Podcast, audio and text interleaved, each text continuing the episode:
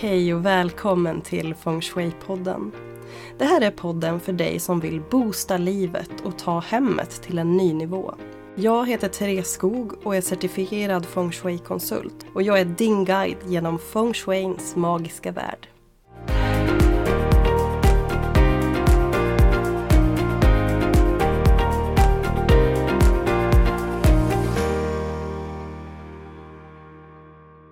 Hallå kära vänner och varmt välkomna till Feng Shui-podden. Det här avsnittet bjuder på ett kärt återseende. Jag har nämligen fått prata med Jannike Wistrand igen och den här gången så är det tema trädgård som står på agendan. Jannike delar sina bästa tips om hur du får till en härlig och harmonisk trädgård med allt vad det innebär. Vi pratar eh, de fem elementen, vi pratar flöden, vi pratar att skapa rum i trädgården och så mycket, mycket mer. Och dessutom så har Jannike en kurs både i hur du inreder ditt hem med hjälp av feng shui men även hur du inreder din trädgård. Och just nu så bjuder hon på 20% rabatt på de här kurserna om du uppger koden Jannike i kassan.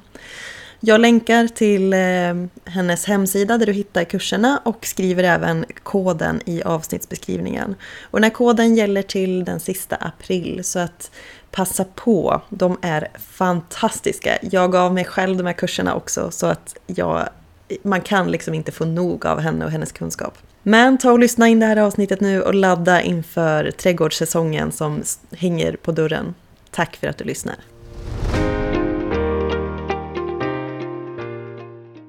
Då säger jag varmt välkommen Jannike Wistrand och välkommen tillbaka till Feng Shui-podden. Tack så mycket, tack så mycket. Jag är super, super glad att ha dig med igen. Det är en otrolig ära tycker jag. Eh, och lite roligt tycker jag också att vårt förra avsnitt är ett av de mest lyssnade hittills i Feng Shui-podden. Oh, vad roligt. Så det är väldigt kul. Jätteskoj. Ja. Det tog lite tid innan vi fick till det, men nu första avsnittet, men nu så har vi fått till två på varannan Nu gick det väldigt fort. ja. Men det är jätteroligt.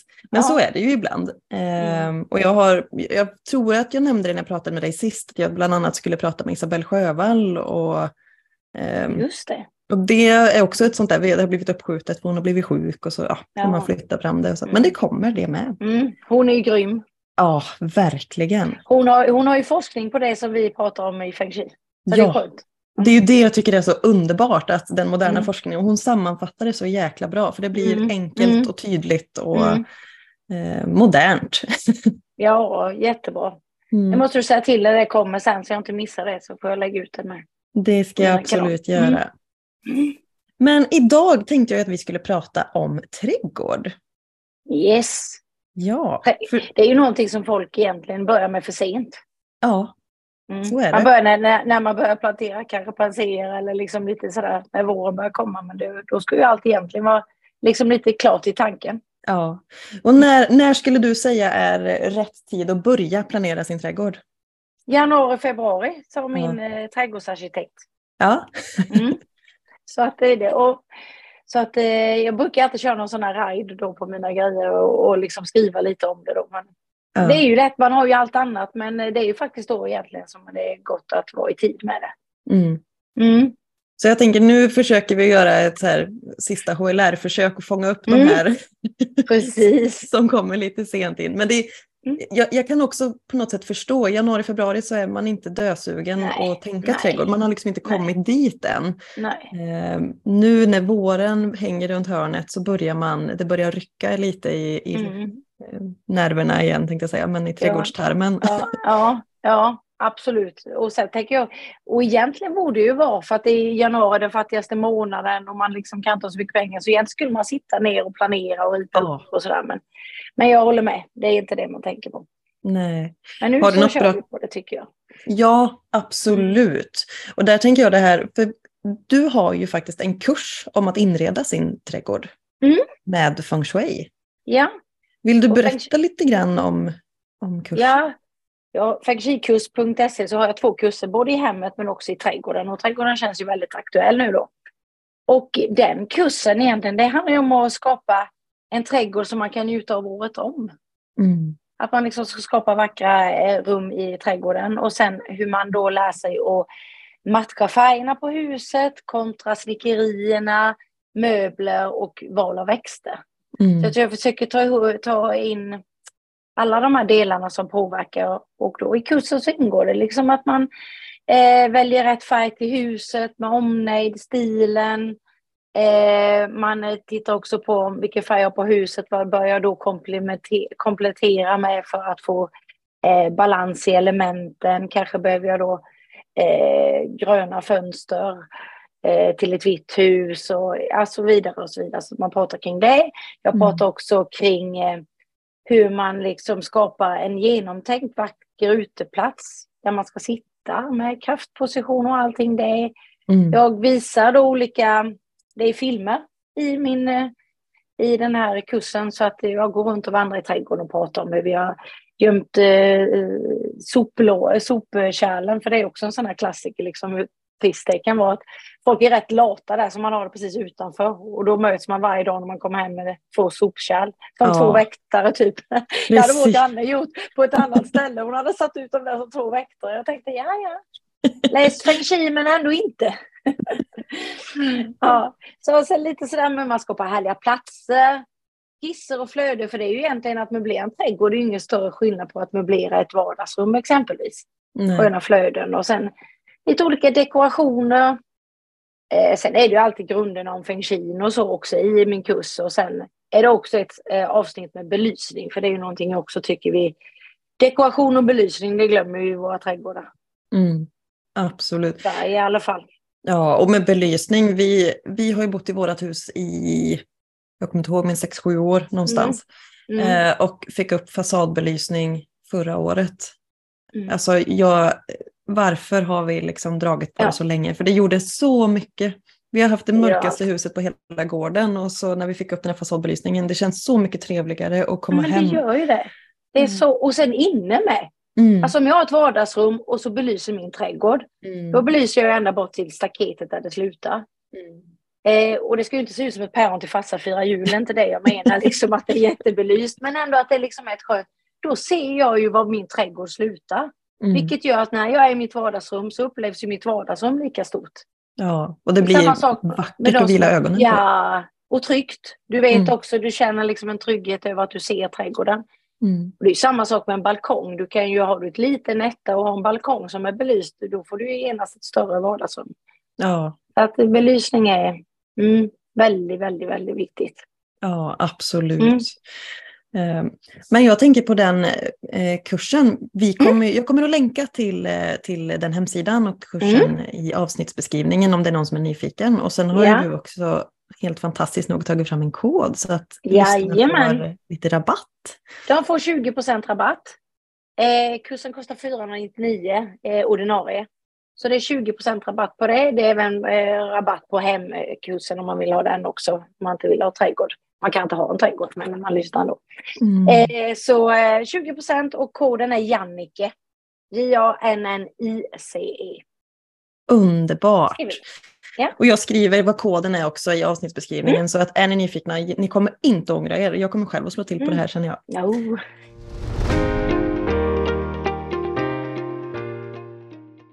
Men jättebra tips med, mm. med trädgård och belysning och vi har redan mm. berört många av de här. soporna är en sån klassiker. Det är ju ja. så jäkla tråkigt mm. att möta stora soptunnor. I mm. nio av tio hus så upplever jag att de står, det är typ det första man ser när man kliver in på tomten. Ja, alltså där, där för mig var det jätteviktigt. Vi gjorde ett litet gatt eh, under, vi skav en gren på ett äppelträd, gjorde ett gatt. Eh, där vi satte det. Så det ligger under äppelträd och massa bambu och sen kan man öppna på, så vi byggde in oss så man kan öppna på, eh, vad ska man säga, sophämtesidan, alltså där ja. sopgubbarna kommer. Ja, perfekt. Eh, så, ja, det är det faktiskt. Och då kan vi också gå från vår trädgård in, alltså bara lyfta på locket. Mm. Så vi gjorde som en liten, det kan man se tydligt i den här kursen vi gjorde. Men annars kan jag ju tycka att liksom, om man har sopor, undvik att sätta det vid entrén, för det är ju sunkig chi. Alltså, och det ja. finns ju ingen som blir glad över det. Nu kan han inte lukta så mycket, men om man har ätit räkfrossa i, i juli så är det inte så trevligt. Precis, och så är det två veckor kvar innan de kommer och tömmer soporna. Ja, Då luktar det inte jättegott. Nej, gud. Nej, men att man försöker tänka att det är faktiskt steg. Jag behöver gå de där stegen. Det är inte så farligt. För det är betydligt trevligare att liksom inte se dem. Mm. Och eh, har man ingen möjlighet på något annat sätt så tycker jag också att ett enkelt tips är ju att ta ett armeringsjärn, bygga runt mm. eh, och sen då ha eh, någon form av städsegrönväxt, till exempel murgröna. Det gjorde vi på vårt förra. Och sen slingar vi faktiskt i klimatis också, så på sommaren så blev det lite så, ja, lite mm. mer blommande. Ja. Mm. Eh, för de där, alltså det finns ju någon form av eh, man kan klistra på blommor, du vet. Ja, nej. Sätta, nej, nej, nej, nej, nej. Kunde bättre de är gröna liksom. Nej, men eh, så att man försöker på något vis göra något trevligt kring det, men undvik, för de här sunkiga energierna, har man det vid entrén, det är ju sunkiga energier som sen då flödar in i huset och det är väl ingen som vill ha det, tänker jag. Så att, nej. Sök att ta den bit bort. Och där tänker jag som feng shui-verktyg så är ju att ha mm. gröna växter som får klättra upp och dölja mm. soporna. Mm. Det är ju träelement och trä är mm. ju liv och mm. upplyftande energi. Så ja. det förtar ju lite grann av den här sunkiga sopenergin som soporna ja. i sig sprider. Absolut, så att det är ett, ett bra tips. Och att man också tänker när man gör sin trädgård. Eh, nu kanske vi kommer in på annat, jag vet inte om du ska fråga mig om någonting annat. Men när man börjar och planera en trädgård mm. så tänker jag att det viktigaste är att du börjar med zoner så som man gör en planritning inne. Mm. Zoner, var går solen? Eh, vill jag ha en eh, solsänga då bör det ju vara i söderläge eftersom det är där jag vill sola. Mm. Eh, har jag barn och behöver ha lite lek, eh, lekplatsliknande eller att jag har en pool då måste det också vara i anslutning där jag kan sitta och vakta. Mm. Så man liksom tänker, och har jag odlingar så bör det också vara där det är eh, sol och kanske inte jättestekande. Men alltså man tittar lite på eh, matplatsen, alltså så att man gör zonindelningar. Här ska vi äta, här ska vi vila, här ska vi sola, mm. här ska vi mm. odla. Så att man börjar med det och här ska vi ha våra sopor och källsortering eller hanteringsbord och så. Så att man börjar med att dela upp i zonerna och det är ju jätteviktigt. Mm. Och också se var solen går i, i trädgården. Mm. Det var faktiskt en av mina frågor som jag hade tänkt ställa mm. till dig, hur du ritar upp det. Um, för, för att ett, jag vet ett knep när jag pratat med, eller dels från utbildningen när vi mm. läste till feng shui-konsult, men också när jag mm. pratade med en annan som jobbar med trädgård, att de använder sig av att lägga en bagua över mm. trädgården. Mm. Eh, för då får du en indelning utifrån en bagua. Eh, och det är ju mm. ett sätt att jobba. Mm. Eh, men det här är också, jag tänker om man inte bryr sig om baguan utan bara mm. kollar på sin mm. trädgård och, och, mer går efter väderstrecken och solen, vart solen går. är ju också en, en... Absolut, och saker och ting ska ju, ska ju växa också. Så att, att bara gå på bagua blir ju för mig, jag har bagwan, men jag istället gjorde så att jag planerade bagwan. Eh, jag hade den som ett komplement till mm. mina aktivitetshörnor. Eh, nu hade vi en trädgårdsarkitekt ska jag säga för att eh, är det något, jag ska inte sitta här och säga att jag är duktig på växtligheten.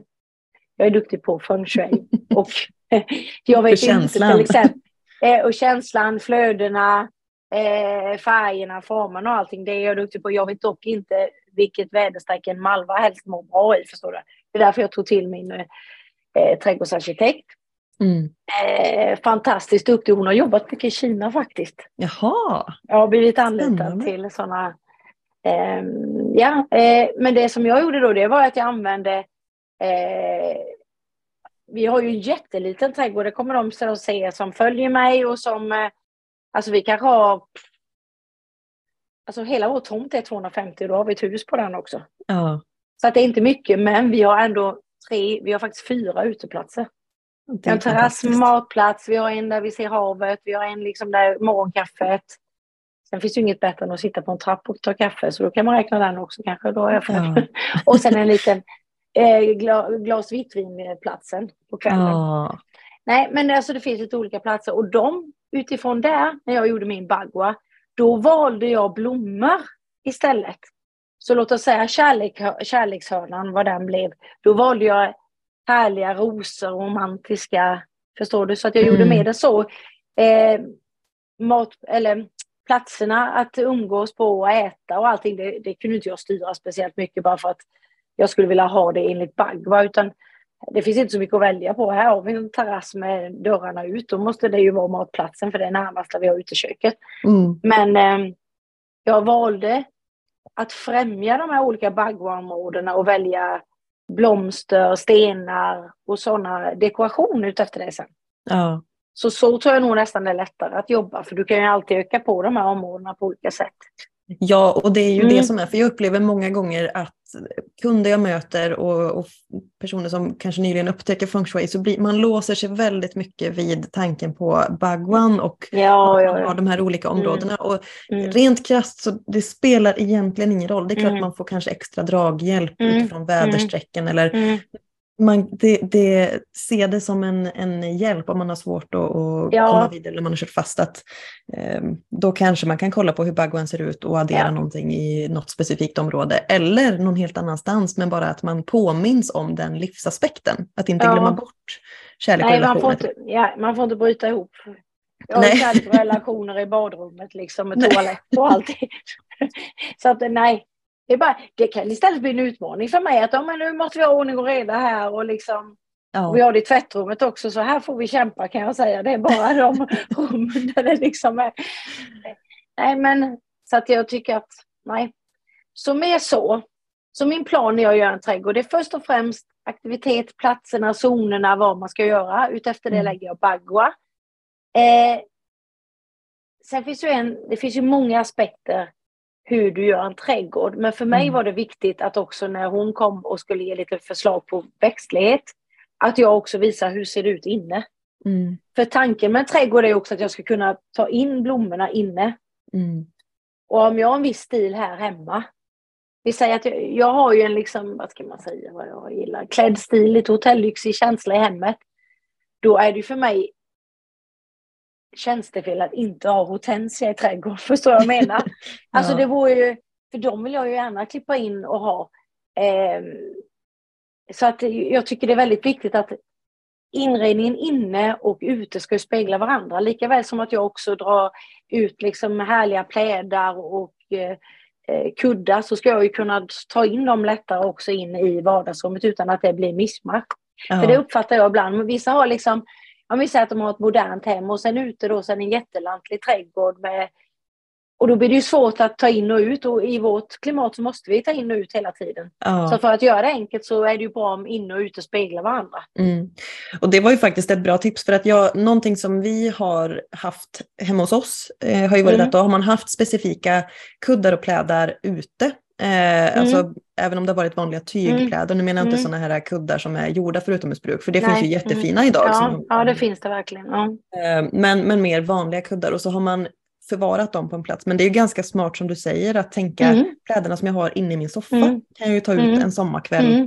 och så tar jag Mm. tillbaka dem in i soffan. Varför måste Mm. jag ha specifika plädar bara Mm. för uteplatsen egentligen? Nej, det är mycket enklare också då. Då blir det inte så här jätte... För det finns inget värre. Jag fick någon fråga om dagen, vad är det värsta, big no-no i inredning? Ja. Nu säger jag den. Ut med När det. folk har sina madrasser utifrån och kuddar och allting. Alltså solsängsmadrassen och allting och drar in i vardagsrummet. Alltså på riktigt, det blir ju... Allt fallerar ju och jag har själv haft och behövt gömma bakom och så här, men man måste hitta en lösning till det. Ja. Det är ju liksom eh, fyra månader av, eh, av sin tid som det ser för jäkligt ut i vardagsrummet. Dynboxar är ju en bra... Ja, det är också, dynboxar är det och, och då blir jag, oh det är så fula. Nej, nu finns det bättre dynboxar. Jag tycker det är fint och jag använder mina dynboxar nästan som ett liksom stilleben också. ja. Möjligtvis att jag får lyfta ner en kruka då, men Mm. vad gör det när jag tar in och ut? Än att Ja. ha det inne liksom. För det, är ju, det kan vara dagar då det regnar, då har du de där stora, det är ju som en sån här, det ser ut som Leos lekland hemma med kuddar liksom. Nej, det får man. På tal om det så såg jag faktiskt för ja, precis innan vi startade vårt samtal idag så såg Mm. jag en video på någon som hade eh, sin utesoffa inne i vardagsrummet nu under vintern. Så, Ja, oj, åh herregud. så det var inte bara dynan utan det var hela soffan Ja. som hade fått flytta in med konstrotting. i- Jo, det får man andas i pappåse. Nej, men skämt åsido, så att, att, att ehm, se till att man har det. Så därför eh, skulle jag vilja också, när man gör och planerar sin trädgård med vilka blommor, tänk på vad vill jag ha för blommor inne, vilka färger har jag inne? Mm. För då blir det ju genast mycket lättare att plocka en bukett, för då vet man att den passar inne. Ja. Och också titta lite på vad är det nu som, jag gillar ju att liksom trädgården ska gå lite i brändare toner till hösten, för då vill vi ofta plocka in de brändare tonerna. Mm. Eh, men det är att titta lite på växtligheten. Mm. Och så ska jag också, jag tycker att huset ska ju spegla, vad är det för årtal på huset? Då ska också trädgården spegla det kan jag ju tycka är vackert. Mm. En, eh, lika väl som man också måste jobba med motsatsförhållande. För vi bor ju här på, det är ju pittoreskt här på Rå, det är gulligt, vårt hus är från 1700-talet från första början. Sen har det ju, så det är ju en lite gulligare trädgård men ändå det som jag har mött med är ju ändå kanske då lite mer hortensia, ostinrosor, att försöka ändå göra någon form av lite engelsk trädgård av det för att Mm. liksom möta upp det. Mm. Men det hade ju sett konstigt ut om jag hade haft ett supermodernt, eh, bara eh, singel och liksom jätte... Betongytor. Skarpa kanter och betonger och fyrkantiga krukor och alltså de här liksom eh, kantiga rottingmöblerna och sofforna. Så det hade inte passat husets stil. Nej. Så därför är det väldigt viktigt att titta på husets stil när jag bestämmer det. Både gör trädgården men också väljer utemöbler. Mm.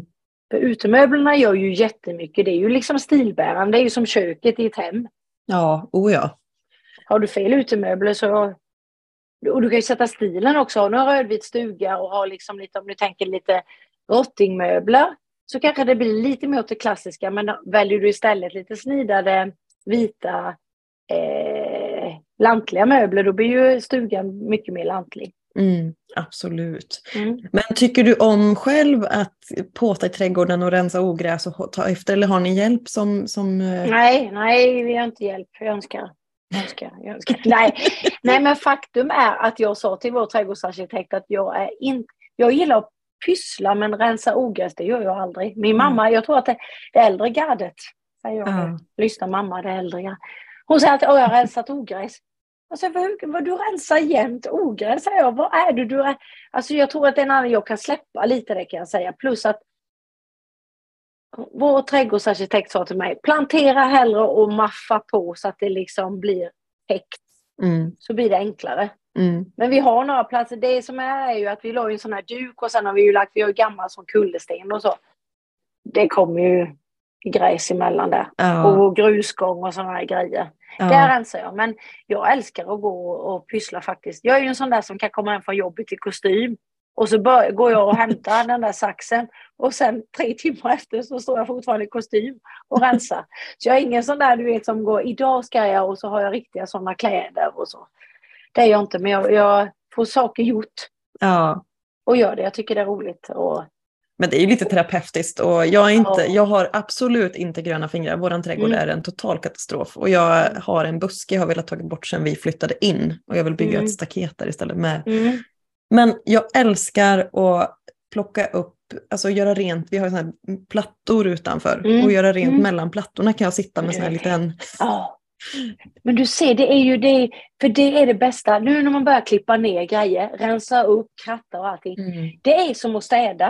Det Ja, blir sånt flöde och det kan jag bara tipsa alla om. Att rensa upp, klippa ner, ta bort all skruff som man säger. mm. Och liksom kanske sätta en ny blomma vid entrén. Mm. Alltså den energin som du får in när du kommer hem, den är fan oslagbar. Absolut, och man, man Mm. märker verkligen sån direkt effekt. Mm. Alltså, jag, jag vet, jag klippte, vi har tujor som växer runt Mm. på ena sidan. Eh, Mm. Och första gången jag klippte dem, för de var väldigt små när vi flyttade in och sen har de liksom växt sig stora och så ja, klippte jag till dem. Bara att komma hem, det var ju som att känna så, halleluja. Ja, ja. ja, men det är... För du vet, växter kan ju också kväva ett hus. Ja. För mycket som klättrar och så. Vi har en sån gammal, gammal, gammal murgröna. Alltså den är jättefantastisk. Men den går mot grannens och vårt plank där då. Mm. Men den får man ju tukta liksom. För att annars så kan den ju liksom ta över också. Så Ja. att det gäller ju att... Eh, det är den min man för övrigt tar tag i och klipper. Nej, vi ska ha någon foto eller någonting. Du vet, för att när man börjar klippa den så dör ju alla. Alltså det, oh Ah. Jesus, han kom någon gång och hade gjort det. Och jag var ju jättetacksam samtidigt som jag bara, okej, nu ska vi fota och spela in film här. Nej, Mm. Photoshop. Ja, ja, precis. Vad typiskt. Nej, men så att eh, rensa undan, det är ju underbart. Mm.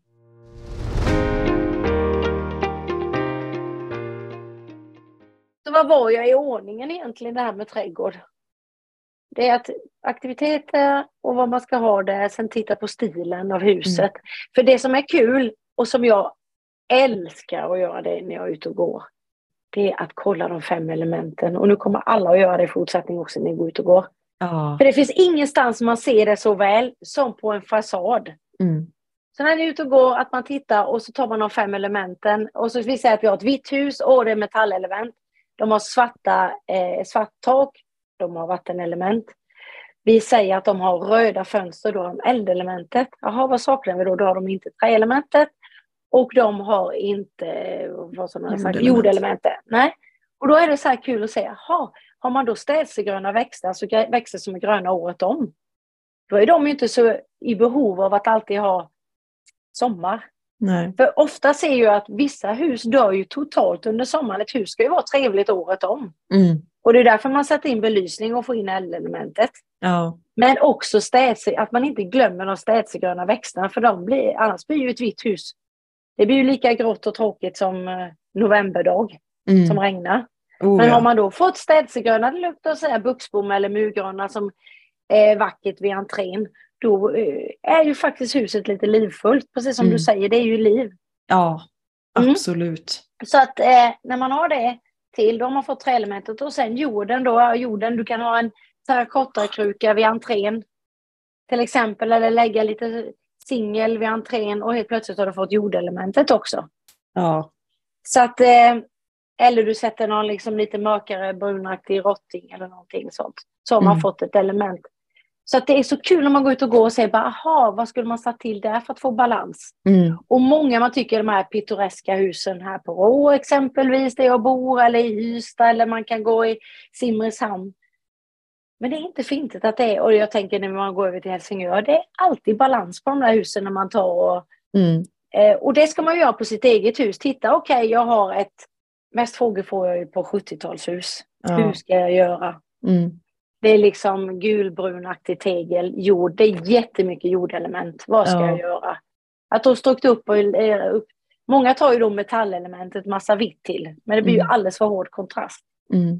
Utan hellre jobba liksom, liksom kanske då mycket mer med att binda upp den här jorden med härlig träelement som bambu som är grönt året om eller buxbom och så vidare, eller tujor. Mm. Liksom, så att det blir den friska grönskan till det och så mycket svart. Då kan jag tycka att då får man liksom en balans och en modernitet i det här gamla 70-talet som gör Mm. att det blir en fin balans. Jag Så att sätta du- sig och titta på sitt hus och titta på färgerna och få Ja. in elementen och också ta in elementen då i till exempel möblerna. Ja. Ja, men, och jag vet, du lägger ju upp ibland bilder på eh, kanske någon entré från något hus som du går förbi på Rå. Eller, Mm, och det, för jag, jag tänker på ett, för jag var och gjorde en konsultation hos en kund som bodde i ett typiskt 70-talshus. Eh, Ja. Det var brunt tegel, det var liksom ehm, och då la du upp en bild på, jag tror det var lite orangebrunt tegel och så var det någon entrédörr som var, kan den ha varit lite blågråaktig Ja, kanske? Jag och vet så, vilket det är. Ja, Och sen har de orangea rosor Ja, precis. som eldelement till det. Åh, jag åker förbi där till ungarnas eh, fotbollsträning. Ja, Det är så fint. Och det blir ju en jättefint. helt annan känsla då. Ja, När du går mer i närliggande, för det är ofta det vi gör fel. Du kan ju säga det, men när man har liksom illblått kakel och så gillar man inte det och så tar man något annat illfärg istället för att liksom gå med den. Vad är den vackraste färgen ihop med blått? Ja, men kanske brunt som tonar ner det lite. Ja, men då jobbar man lite mer så. mm, Än att liksom tro att man döljer det med vitt, för det gör man ju inte. nej. Så att, att titta på sitt hus och känna så här, okej, jag har tegeltak, jag har, då är det, jag har det, jag har det, jag har det. Ja, men jag saknar ju faktiskt, låt oss säga vattenelementet. Ja, men då Mm. kan man ju ta in blåa blommor. Mm, Man kan ta in det som är fiffigt till exempel, så som vi har målat våra, våra fönster lite grågröna, det är ju att man faktiskt får in träelementet och att huset blir lite piggt även när det är grått och trist och inte det finns, även i Eh, februari. ja, när det inte finns löv. Mm, Så att vissa saker kan man ju tänka lite, var ligger jag och närliggande område och mm, ja, så kan du jobba med det på det sättet. Så att alltid ditt hus är balanserat skulle jag vilja Mm. säga. Och det är inte så konstigt, det är inte så svårt egentligen.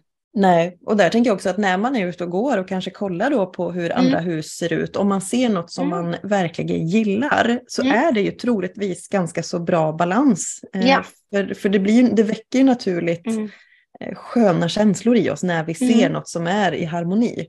Ja. Eh, och då kan man ju också stanna upp och ana- analysera vad, vilka är de fem elementen, hur är balansen mellan, eller vad Mm. kan jag liksom applicera kanske Mm. hos mig själv om jag har svårt att se mitt, på mitt eget hus. För Mm. det kan ju också vara att Precis. man, eh, för jag kan själv känna att man blir lite hemmablind och har svårt att kanske men avgöra vart ska jag, Mm. vart ska jag förändra. Mm, Eh, mm, man, man tror att det är bra fast det är ändå något som skaver och då är det inte bra. Nej, precis. Jag tänker en sån sak som staket också håller ju om. Mm. Ja, Och har man ett vitt hus så bara man ibland kanske vitt staket. Men det blir inte samma effekt av att hålla om som att du hade bara lagt en liten ton. För när det då blir snö och vinter och kallt så håller inte huset om på samma Nej. vis när det är vitt. Så att, och vi är ju mer behov av att mjuka upp och ta hand om oss under kalla... Eftersom en grönskande trädgård, det löser sig lite själv när det är fint. Mm. Och Ja. sommar, för då finns det redan det där bromsande kylflödet och så vidare. mm. Mm. Ja, absolut. Och där, för där kan jag känna när man går förbi hus som inte har något staket eller någon form av avgränsning. Jag får nästan panik. Åh, Och bara känslan. vi, vi byggde om vårt och då hade vi inget. Nej. Alltså det kändes som jag tappade hela... Jag vet inte hur jag ska förklara. Det kändes som all energi rusade ifrån mig. Ja. Och det kändes som att jag inte höll om min familj under den tiden. Jag vet inte, det Mm. låter ju helt... Men det Men var jättekonstigt. Nej, gud vad det kändes konstigt. ja. Så att nej, det vill man verkligen ha någon form av. Det är ju lite som... eh, Det är också det här med vad har man på varje sida. Tippa, om man ställer sig och tittar på sin... eh, Vi har ingen baksida, det är kullersten, där parkerar vi så att säga, det går Mm. gata. Så vår baksida som folk tror är vår framsida kan man säga. Mm. Men eh, när man står och tittar på vår då, som är, jag tycker är vår framsida, där vi går in helt enkelt. Då ska Mm. man också titta lite på, okej vi har ett stort förråd på höger sida. Mm. Då gäller det vad har vi på vänster sida då också, för annars tippar ju det. Och där har vi då gamla äppelträd och päronträd för att liksom det blir en balans. ja, precis. Så man inte har bara massa grejer på högersidan eller vänster så att det känns som att huset tippar. För det är också de här två väktarna eller det som håller om. Det är ju lite som ett fönster, eh, som ett hems gardiner kan man säga. Det håller Mm. om och liksom det ska vara lite samma proportioner. Ja, precis. Så att eh, man tittar lite på också, är det så att det är för mycket på ena sidan, ja, men då får man göra lite planteringar och lite jobba med höjder på andra sidan. Mm. För jag efterfrågade ju eh, mina följare och de som lyssnar på podden om Mm. lite frågor, om det var någon som hade några frågor Ja. om. Så. Mm. Eh, och nu när vi pratar om det med baksidan och framsidan så var det en som Mm. frågade just när man har en trädgård på framsidan, är det någonting särskilt som är viktigt att tänka på när det är ja, utåt? Det första Mm. man ser, eller vad ska man säga? Alltså det viktiga är ju entrégången, att den inte är rak. Mm. Utan den slingrar sig mot dörren. För att en rak, då blir de här kien och energiflödena för fort. Det är ungefär som att gå en, en sjukhuskorridor. Utan man vill liksom ha lite slingrande, böljande gångar. För då blir liksom energierna i lagom flöde. Det blir lite det här som en pålande bäck som jag tror vi Mm. pratade om sist. Mm. Lite lugnt. Och har man en rak entré rak, mot dörren och man inte kan göra något åt det, då kan man istället kanske jobba med att man sätter tvärgående eh, stenar, alltså Mm. stenbeläggning, eller att man kan sätta lite krukor, eller man jobbar med belysning. Kanske någonting som slingar in lite sådär så att det lugnar det flödet. Mm. Men sen är det ju naturligtvis, det är ju ansiktet, ansiktet utåt, så det ska ju vara helt och rent och fint, men att man jobbar liksom med, eh, tycker jag, när man har det på framsidan. Det är ju, entrén, det blir ju husets hall som man brukar säga, det är det som sätter tonen. Ja. Så visst är det att jobba med liksom det som sätter stilen och kanske att man jobbar här med stilbärarna. Att man inte har liksom bara tomma ytor som gör att flödet in till huset blir väldigt för fort. Mm.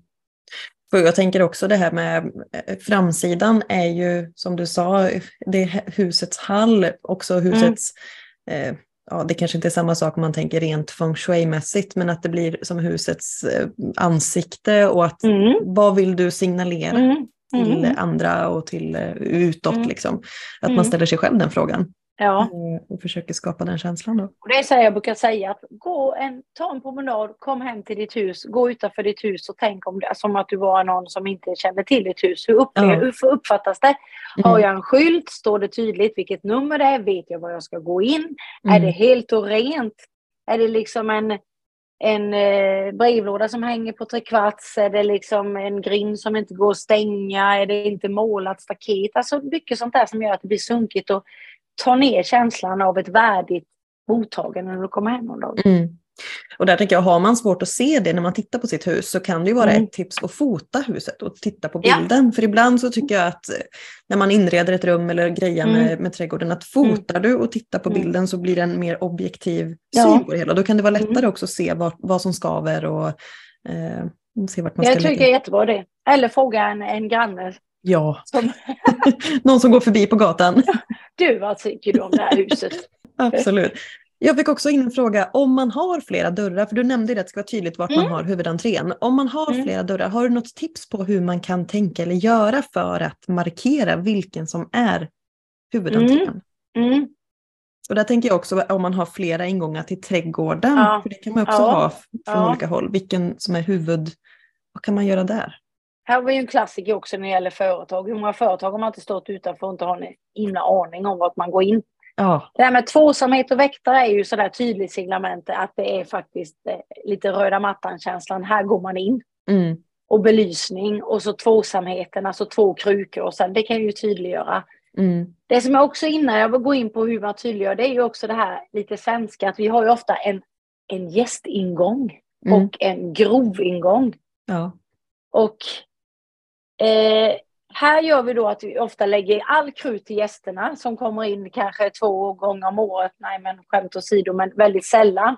Mm. Och så går man själv in i en riktig misär I ibland. tvättstugan eller i grovantrén. tvättstugan och det är liksom inte något upplyst vid entrén där eller det kanske inte är någon fin blomma och så vidare.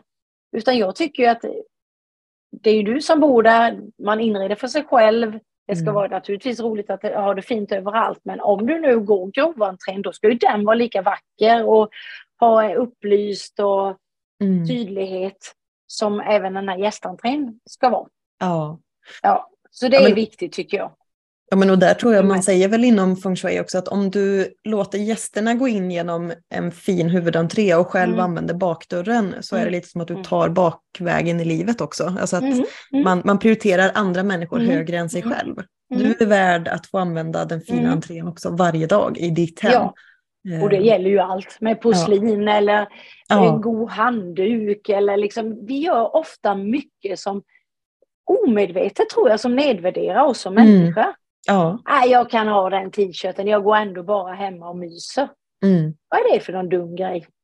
Gå ja. ändå hemma och myser bara för att inte någon annan värderar dina kläder för du skulle inte gå i den på jobbet. Nej. Så skulle så det är väl verkligen när du bara går hem och myser som du ska ha det absolut bästa för att det är då du trivs i det liksom med dig själv.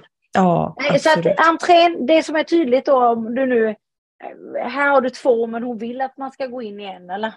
Är det så? Eh, hon? Ja, hon skrev att de hade fyra entréer men Ja, ja. att hon vill ju att de markerar då vilken som är Ja, men då är det ju redan vid början att man liksom på något vis signalerar en, en slingrande gång på Mm. något sätt. Antingen kan det vara med belysning eller med, med att eh, eh, man sätter en kruka som ett stopp också där det blir att man ska vända till vänster exempelvis. ja, Förstår ni vad jag menar? Så har man en kruka där till vänster och sen går man vidare så att where eye goes she flows brukar man väl säga. Så liksom Ja. lite där man ser det vackra, det är dit man ska gå. mm, Så att man hela tiden tänker, det är ett rätt bra mått tycker jag, att liksom när man går fram till en entré, vad, när jag kommer in så ser jag först, för vi har liksom en, en gång som man går in i. Och där borta går man till grannen och till vänster går man in till oss. Då mm, har jag ju en till vänster där så att man ser att här är det faktiskt en grind. Då Mm. öppnar man den. Sen slingrar sig vår gång så jag ser faktiskt inte när det är som mest grönska vår dörr. Då får jag ha ytterligare en, nu har vi med belysning i marken också men då får Ja. man ha ytterligare, liksom lite olika fokuspunkter Mm. på vägen. Och sen alltid upplyst vid den entrén och Mm. alltid någon form av, eh, eh, kanske någon lykta som brinner, det kan vara LED-lyse. Och Mm. sen någon form av lite, en kruka med något vackert som är i- som faller rätt i årstiden. mm. Ja, men för det tänker jag något som, något som lockar. Något som Lockar känns ögat, ja. vackert och som Ja. lockar ögat. Eh, Det kan vara en flagga, en vimpel Mm. också. Det kan vara sådana saker som rör sig gör ju också att det lockar oss. ja. Mm. Och jag tänker också att det tydligt ska framgå på huset vem det är som bor där och vad det är för husnummer. Lite som när vi Ja. kommer till ett företag så ska du Mm. veta vilket företag Mm. du har kommit till. Och Mm. liksom, så att inte, om det finns minsta tvivel, om budbilar åker fel, då är det Mm. ett tecken på att de Mm. inte hittar rätt. Liksom. Då behöver man kanske förtydliga. Och då säger jag så här, det har jag varje dag. Alltså, Trots att jag har jobbat med detta. Nej, det är så roligt för vårt... Och det är, jag vet inte hur jag ska kringgå detta, för vi har nian och allting, men vi går in från Lybäcksgatan och budbilar, fast Mm. vårt hus heter Matrosgatan. ah, För förr i tiden var det en ingång på den sidan, men den finns inte längre och det Nej, har aldrig nej, nej. funnits, men vi har ändå... Och det är ju helt omöjligt. Och jag har liksom... Nej.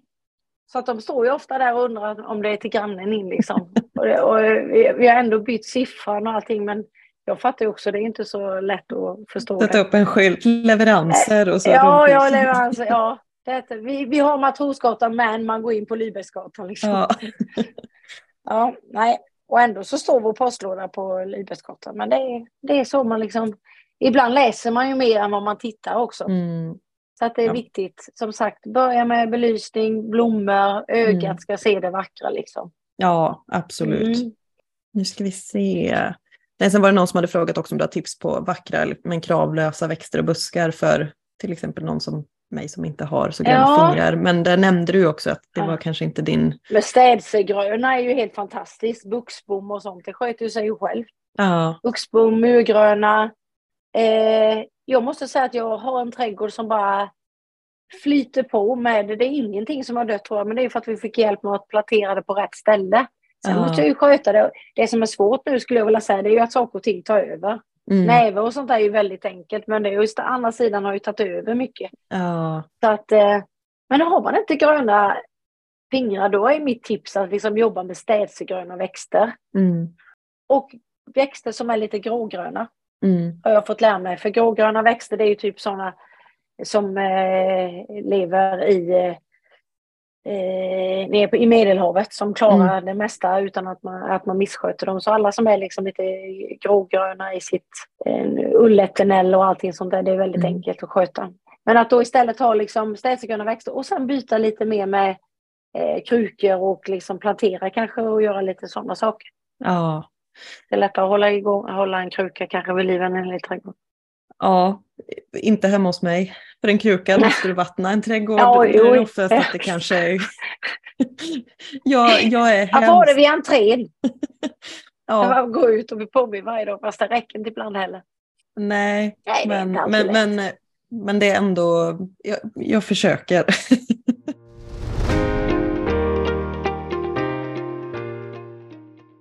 Jag måste få tips. Jag kan inte ha detta eh, poddinlägget utan att tipsa om världens vackraste och väldoftande ros. Mm. Eller hur? Vilken, nej absolut. Min, ja, nu heter den Martin Luther. Martin Luther. Alltså, ja, den är lite aprikoschampagnegul.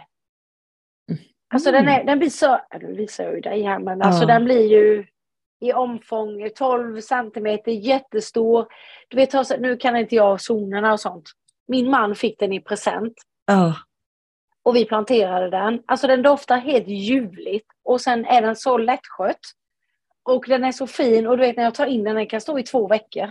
ah, men gud. Världens ljuvligaste, så kolla upp den säger jag bara. Jag tänker att jag lägger upp, ihop med inlägg på Instagram, så lägger jag upp Mm. en bild på en Martin Mm. Luther eh, Ja. Kingros. Jag hoppas att jag också kan ha haft en bild på. Så, ja, kolla med mig nu så den stämmer också så att jag inte sitter här och säger något annat. Ja.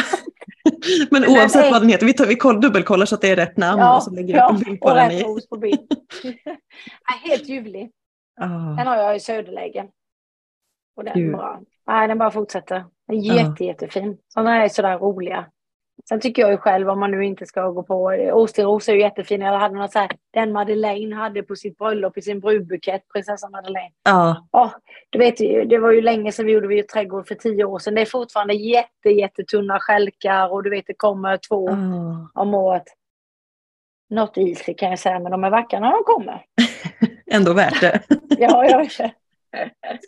Ja, men det är ju inte lätt. Och det finns ju så himla mycket, så det därför är det ju verkligen värt att ta hjälp med, Ja, alltså från någon som tycka. kan växter. Jag brukar säga det, det gör man när man går till bilen. Om bilen är fel, då går jag till mekaniker. Kan Ja. jag inte trädgård, då går jag och frågar någon. Alltså för mig liksom är det värt varenda spänn. Ja. Ja men och där, jag tyckte att förra sommaren när jag gjorde ett försök att få ordning på lite blommor här så pratade jag med dem på alltså blomsterbutiken Mm, här. var ju mm, jätteduktiga. De hade någon trädgårdsmästare som var med och hjälpte Ja till. visst. Eh, Så att då, då, och då förklarade jag ju hur handikappad jag är när det kommer till Mm. att ta hand om blommor. Mm. Att det, går liksom inte. Så då Mm. fick jag ju världens mest tåliga blommor och Ja. lite ja, olika. Hon hjälpte mig med att sätta ihop höga och Mm. låga. Och, ja. Ja, det är jättebra. Så det finns ju jättemycket hjälp att få. Oh ja, den. Mm. oh ja. Eh, Men jag tänker för de som inte har trädgård, som kanske har en balkong. Mm. eh, Har du något tips hur man kan få till känslan eller inredningen på en balkong? Ja, men det är ju jätteroligt.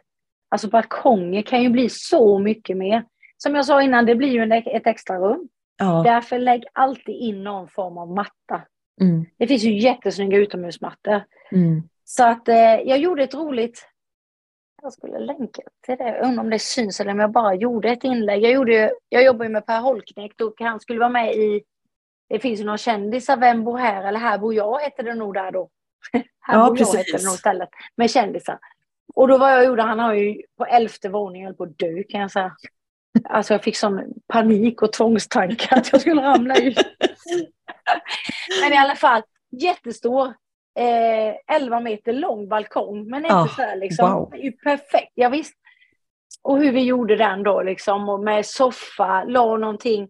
Där jobbade jag med städsegrönt. Bara Mm. buxbom liksom. För han är nog inte sådär som pysslar på. Och sen också faktiskt är det eh, textilier. Där jobbade vi med Chatwell Johnson har ju sådana kuddar som kan vara ute i regn och sol och Ja. allting så. Jättefina, har hållit sig skitbra. Ja. Men där jobbar vi med den helheten och då tänkte jag ändå på det. Är någonting när man har balkong, det är belysningen, att man kan hänga någon sån slinga vackert Mm. eller man kan ha, ni vet, solcellslampor köpte vi. Clas Ja. Ohlson, sådana runda bollar som bara laddade under dagen. Ja. Någonting. En matta på golvet, utomhusmattor har ju alla stora liksom eh, numera Mm. inredningsföretag. Och sen då jobba med textilier. Mm. Alltså det blir ju sån himla känsla och så trevligt att gå ut på någonting när det är en matta. Det blir lite mer lättsamt att gå ut. Oh ja. Absolut. och Och sen jag också tänker, ha någon lykta som brinner på kvällen. ja. De Ja. inbjuder till att sätta sig med tekoppen där liksom. Det ska Mm. vara enkelt när man har balkong.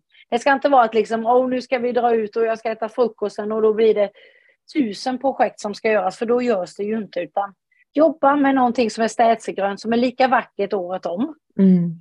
Jobba sen med att ha någonting på matta och sen belysning. Och sen kan du bara addera liksom lite härliga tomatplantor om man vill ha det. Eller om man är Mm. odlingspiffig. Eller om man inte är det så har man bara ett olivträd. Liksom. Ja. Och med olivträd, jag har ett olivträd som jag köpte för några år sedan som jag har Mm. lyckats övervintra trots att jag har Mm. glömt vattna det på en hela vinter. Så det, det Mm. stendog. Och så Ja, ställde jag ut det utomhus och skulle åka och slänga det. Ja. Men så blev det liksom ståendes där dött i hela sommaren. Och i, kan det vara slutet på juli, början på augusti, så kom det ut nya skott. Ja, ja, visst. Så den börjar leva Ja, igen. Fantastiskt. Helt Nej, de är fantastiska. Något som också är väldigt lätt, det är ju eukalyptusträd. Ja, De är också lite grågröna. ja, Och de, det har jag här, liksom det växer jätte, jättemycket och det kan jag, jag bara övervintrat i förrådet och sen kommer det igen. mm, Så det är också någonting som är lätt. Och det finns också eukalyptus som man kan plantera i marken. Ja. Som är ännu mer tålig, sa hon till mig. Som klarar frost också. Det, en, sån, vi- en sån lyckades jag ta död på. Ja, Fast jag, jag planterade aldrig ut den, jag hade den i kruka. Så det var nog att den torkade ihjäl. ja.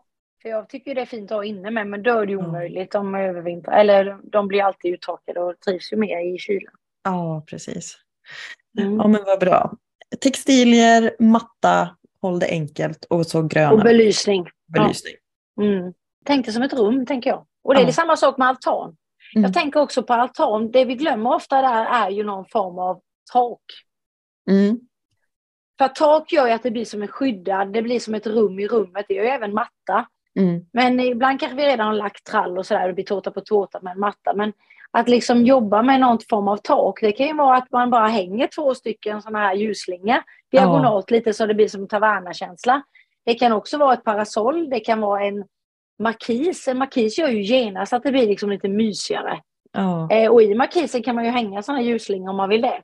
Mm. Nu finns det också att man kan hänga i träd, att du kan hänga nästan som vanliga lampor idag och allting sånt. Men någon form av lampa över eller någon form av att du har ett träd som blir som ett paraply över Mm. din matplats. Det gör jättemycket. Mm. Eller bygger man en pergola. Men tänk taken, tänk lite om omnejd och tänk också lite stilleben för att göra det mysigt. Har du ett utekök, ja, men sätt en bricka med lite salt och peppar, olivolja och kryddor. Mm. Har du liksom ett årstidsbord vid entrén som jag har här, då förändrar jag ju det utefter vid jul nu så ligger det äpple och mossa och kanske någon gran och nu så blir det liksom härliga våriga vårlökar som kommer upp. Så Ja. att man jobbar lite med årstidsbord och, och liksom dekoration även i trädgården. Ja. En sån sak är ju också spegel i trädgården, det är ju jättevackert att ha. Mm. Ja, jag, blir, jag blir jättetaggad för att ta tag i min egen altan faktiskt. Mm. Ja, ja, att altan är en riktigt bra altan och terrass, det är, där bor man ju på sommaren liksom. Ja. Och bara kunna ha öppet in och ut och liksom bara känna att det är, ah, det är en frihetskänsla att kunna gå ut på någonting. Det är som Ja. att kunna gå fram till ett fönster, att kunna gå ut till någonting. Sen om det är absolut. litet eller stort, det har inte så stor betydelse faktiskt. Det Nej. behöver inte vara någon flödig 50 meters liksom. Nej, precis. Ja, men vi har ju pratat lite om det här, eller vi har berört ganska många ämnen känns det som, men vi har pratat Mm. om, om trädgården och det här med olika rum. Mm. Eh, är det några specifika rum som du tycker måste finnas med i en trädgård eller är det helt individuellt beroende på vad man... Eh, jag tänker på um, att det ska finnas eh, rum för, eh, eh, för lek, för eh, middag, för... eh, Ja, ja. ja men det beror ju helt på vem det är som bor där. Jag menar för lek. Jag har en dotter här som ständigt tjatar om studsmatta, airtrack, eh, pool. Och så har vi liksom havet 200 meter ner. ja. Eh, och kompisar som har en ful studsmatta. Nej, vad skämt åsido. Vi har alldeles för litet för det. Mm. Och på något vis, eh, vi har en gräsmatta, de kan jula så har det lite kul och så, men vi har ju väldigt lite, så då har vi försökt att maxa det. Och det jag tycker är viktigast är ju samvaro. Att Mm. kunna äta tillsammans, njuta en solig dag, en varm sommarkväll, att Mm. kunna sitta och ta morgonkaffet en tidig vårdag. Alltså sådana grejer, det tycker jag ändå då, så att man kan njuta. Och så tycker jag det är viktigt att kunna njuta året om. Så någon Mm. sån plats liksom. Eh, sen har inte vi pool, men vi kan gå ner dit. Eller vi har inte liksom möjlighet till kanske hoppa, men då får vi gå till en lekplats. Alltså, men någonting som liksom, men däremot kan ungarna ändå ha liksom lek och, och hon skulle kunna ha airtracken på gräsmattan. Så det finns någonting för alla, men det viktigaste tycker jag, om man ska prioritera något, är ju att liksom kunna samvaro. Mm. Att kunna äta och njuta och ta lite...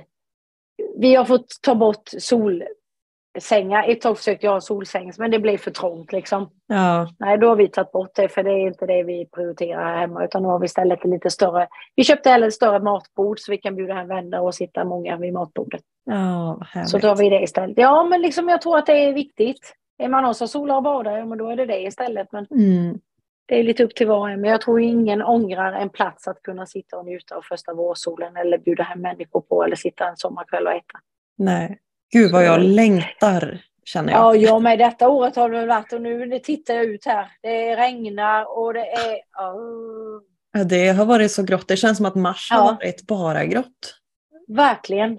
Jag är glad att jag var i Livigno och fick lite sol. Ja, jag blev glad att du la se- upp en bild så jag fick se sol på bild. Jag fick se magnolian blomma i Milano också. Den var ju en... Ah, vilken boost.